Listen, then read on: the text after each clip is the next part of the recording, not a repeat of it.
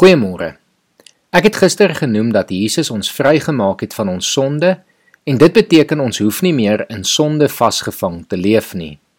'n Regverdige vraag is dan: hoekom worstel soveel gelowige mense nog met sonde? Paulus het self hierdie worsteling beleef en hy skryf daaroor in Romeine 7 vanaf vers 15 tot en met 8 vers 4 en ek lees dit graag vanoggend vir ons voor. Begryp self nie wat ek doen nie, want wat ek wil doen, dit doen ek nie, maar wat ek haat, juis dit doen ek. Dat ek nie wil doen wat ek doen nie, beteken dat ek toegee dat die wet goed is.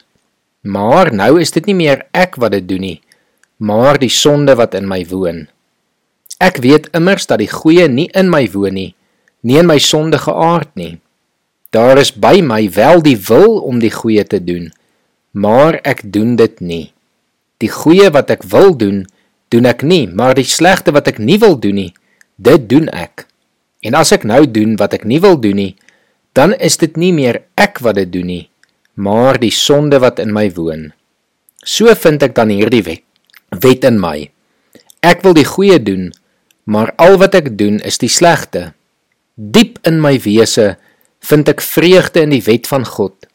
Maar ek vind in my doen en late 'n ander wet wat stryd voer teen die wet van my gees. Dit maak my 'n gevangene van die wet van die sonde wat in my doen en late aan die werk is. Ek elendige mens. Wie sal my van hierdie doodsbestaan verlos? Aan God die dank. Hy doen dit deur Jesus Christus ons Here. So is dit dus met my gesteld. Met my gees dien ek die wet van God, maar in my doen en late die wet van sonde. Daar is dus nou geen veroordeling vir die wat in Christus Jesus is nie. Die wet van die gees wat aan jou in Christus Jesus die lewe gee, het jou vrygemaak van die wet van sonde en dood, wat die wet nie by magte was om te doen nie, omdat dit weens ons sondige natuur te swak was, dit het God gedoen. Hy het met die sonde afgereken deur sy eie seun in dieselfde gestalte as die sondige mens te stuur. So het hy die sonde in die sondige bestaan van die mens veroordeel. Nou kan ons aan die eise van die wet voldoen. Ons wat ons lewe nie deur ons sondige natuur laat beheers nie, maar deur die Gees.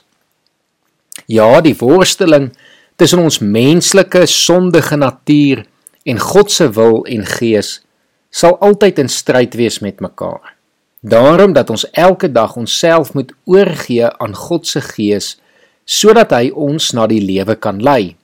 Galasiërs 6 vers 8 sê vir ons en verwoord die keuse soos volg: Wie op die akker van sy sondige natuur saai, sal van die sondige natuur dood en verderf oes.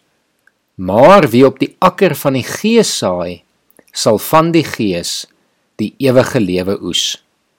Mag jy vandag kies om op die akker van die Gees te saai. Mag jy beheer van jou lewe, van jou doen en late en van jou woorde totaal en al aan die Heilige Gees oorgee sodat jy nie sal val of sal struikel nie.